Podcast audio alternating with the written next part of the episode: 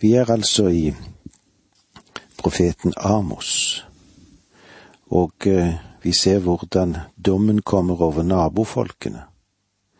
Amos han åpner sine profetier med forutsigelser om nabofolkene, slik at Israel skal bli minnet om sin egen skyld for Guds rettferdige dommers skyld. Ja, det er godt å se hvordan Gud handler. Juda skal også dømmes.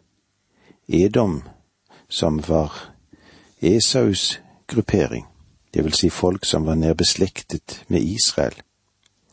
Det var eh, av den grunn hatet på begge sider vokste hele tiden fra utgangen av Egypt til Jerusalem, eller til beleiringen av Jerusalem og fallet der.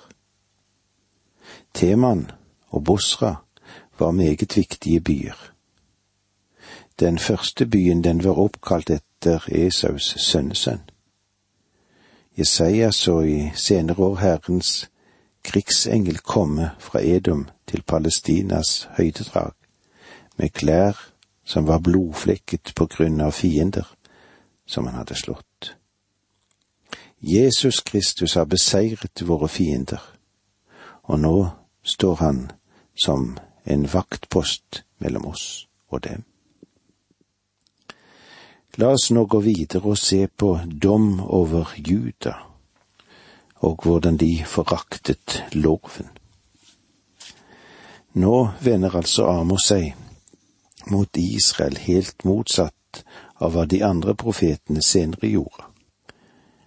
De nevnte alle sammen Guds dom over Israels, Israel først, og deretter dom over de nasjonene som omga de. Men med Amos er det annerledes. Han har tatt de andre nasjonene først, og så vender han seg til Israel, som Gud sender en enda større dom over enn de andre folkeslagene. Årsaken for den ekstra sterke dom, den er helt klar. Privilegier gir alltid ansvar og jo mer lys du har, jo større er ditt ansvar overfor Gud. Jeg tror at du og jeg har et større ansvar overfor Herren enn folkeslag som ennå ikke har en bibel, eller som ennå ikke hører Guds ord i det hele tatt. Vi bærer et mye større ansvar, vi, enn de. Vi feller ofte dommen over andre nasjoner men tar du deg noensinne tid til å tenke på det veldige ansvar som du og jeg har på grunn av det veldige privilegium å kunne forvalte Guds ord? Vi roser oss av at vi har Bibelen, men det viktige er vår personlige lydighet mot Guds ord, om vi i det hele tatt gjør noe for å utbre dette ordet til andre. Hvordan er det med oss? Når Ramos nå vender seg fra de omkringliggende folkeslagene, så tar han opp syndeforholdet som belaster Guds folk. Han begynner med Juda, Sydriket, som han selv kom fra. Og vi leser nå sammen fra vers fire i kapittel to hos Amos. Så sier Herren, for tre ugjerninger Juda har gjort, ja, for fire tar jeg min dom tilbake. For de ringaktet Herrens lov og holdt ikke hans forskrifter, men lot seg føre vill av løgngudene som deres fedre hadde fulgt. Så sier Herren, for tre ugjerninger Juda har gjort, ja, for fire tar jeg ikke min dom tilbake. Gud kunne ha nevnt mange forhold som hans dom var basert på, men han nevner igjen bare det mest graverende. For de ringaktet Herrens lov og overholdt ikke hans forskrifter, men lot seg føre vill av løgngudene som deres fedre hadde fulgt. Dette gir oss et kort sammendrag av det profeten Jesaja, Jeremia og Esekiel brukte mange sider på for å si. Men eh, det vil si at Gud ville dømme Sydriket. Hva ville han dømme dem for? De holdt ikke Guds lov. De foraktet Guds lov. Juda hadde Guds lov, men brydde seg ikke om den. De hadde til og med tempel i Jerusalem.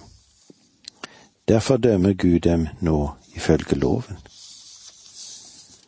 Har du lagt merke til at Gud ikke dømte noen av de andre nasjoner på dette grunnlaget?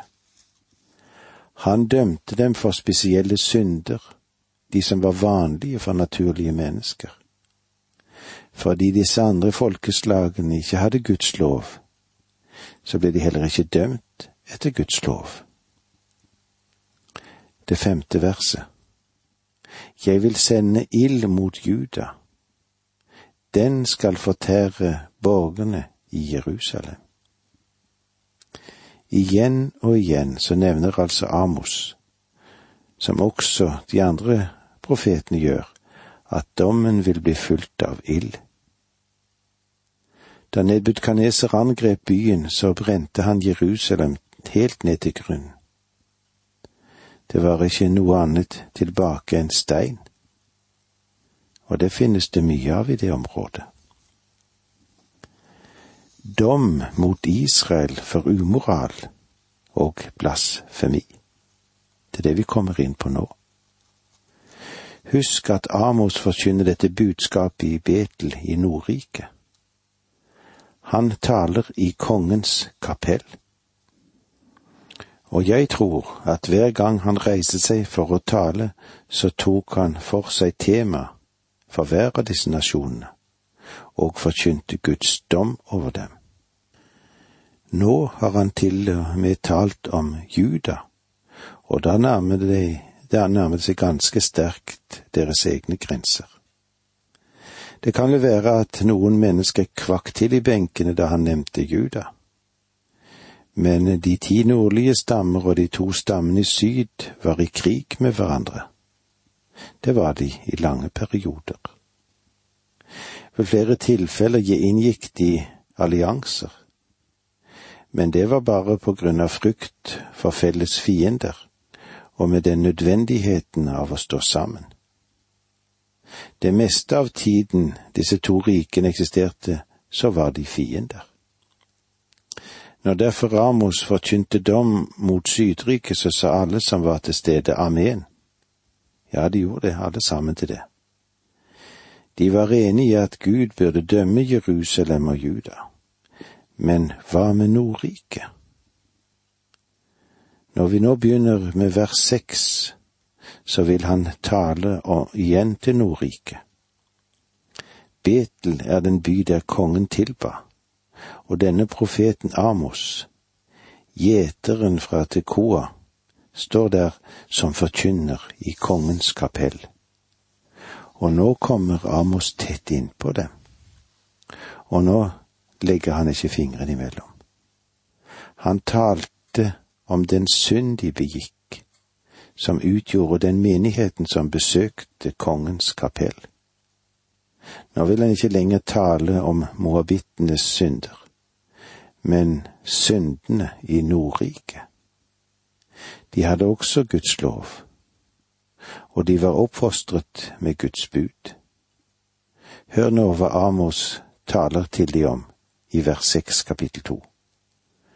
Så sier Herren, for tre ugjerninger Israel har gjort, ja, for fire tar jeg ikke min dom tilbake. For de selger rettferdige for penger, og fattigfolk for et par sko.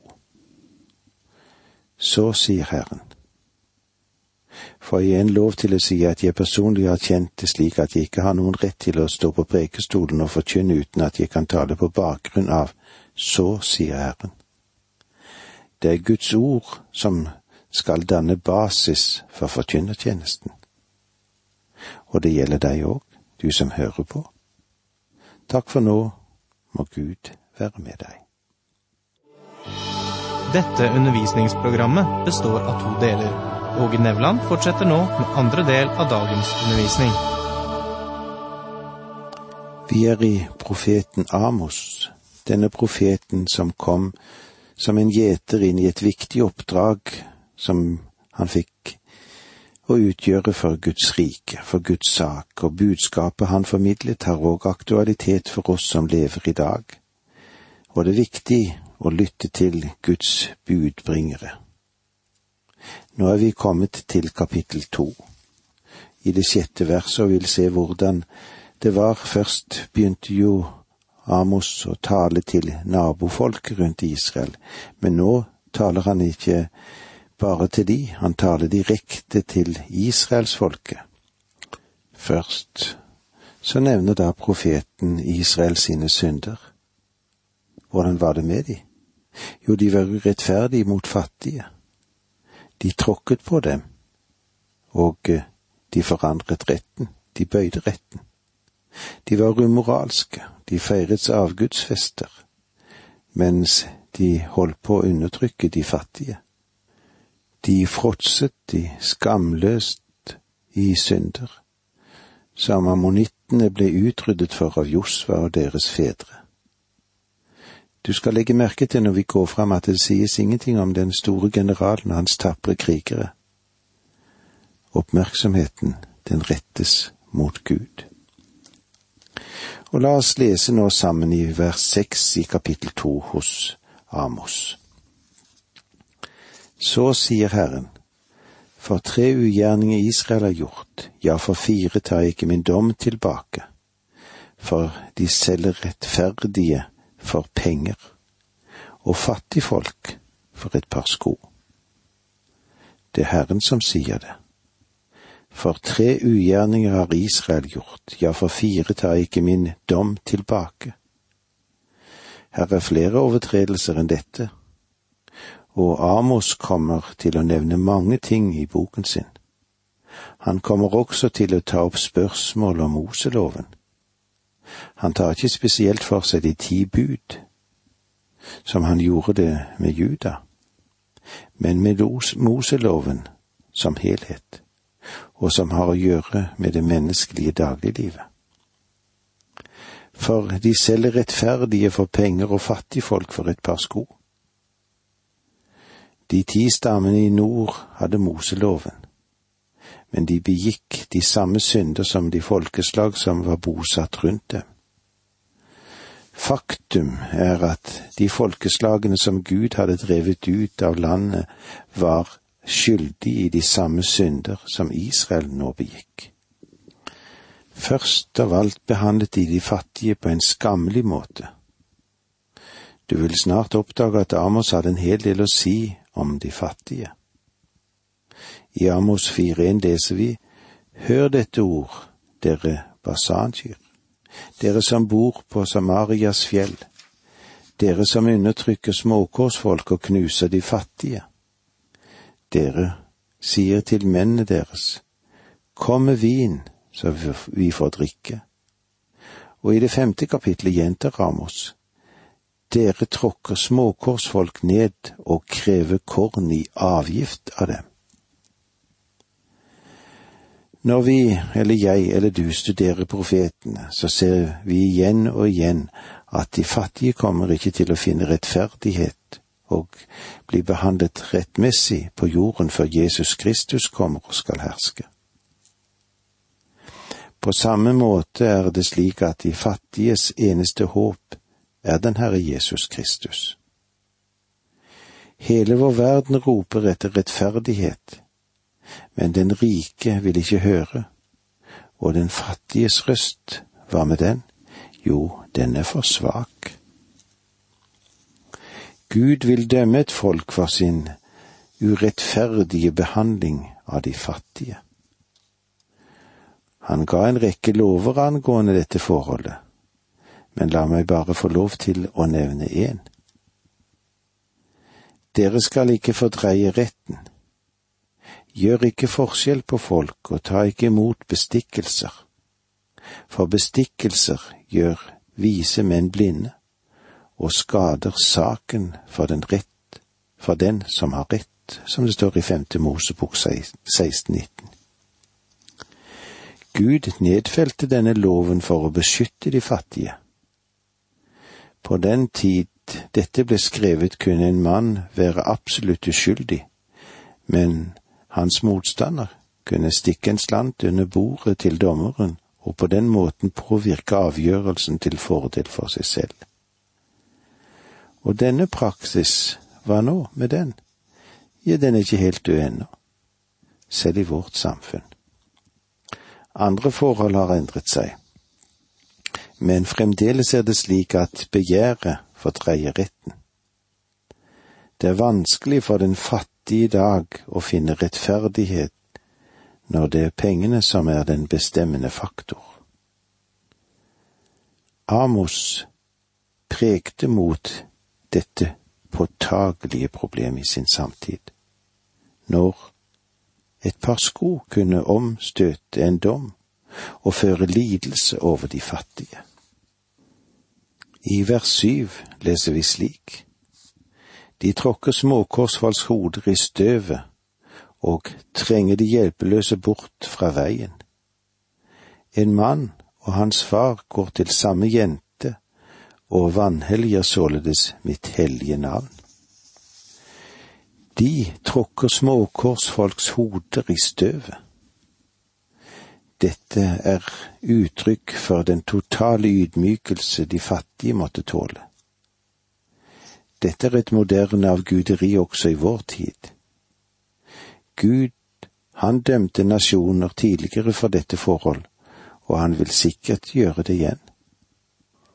Og trenger de hjelpeløse bort fra veien. Det betyr at de ikke ville vite av at det fantes hjelpeløse i samfunnet, så de var nødt til å forstyrre sin samvittighet. Det er vanskelig, dette. De sakkmodige arver, arver sannelig ikke jorden i dag heller. Den okkuperes av de som er frempå og som kan grave alt til seg selv. De fattige og de sakkmodige finner ikke full rettferdighet i Israel. De finner heller ikke rettferdighet noe annet sted i verden enn i dag. En mann og hans far går til samme jente og vanhelliger således mitt hellige navn.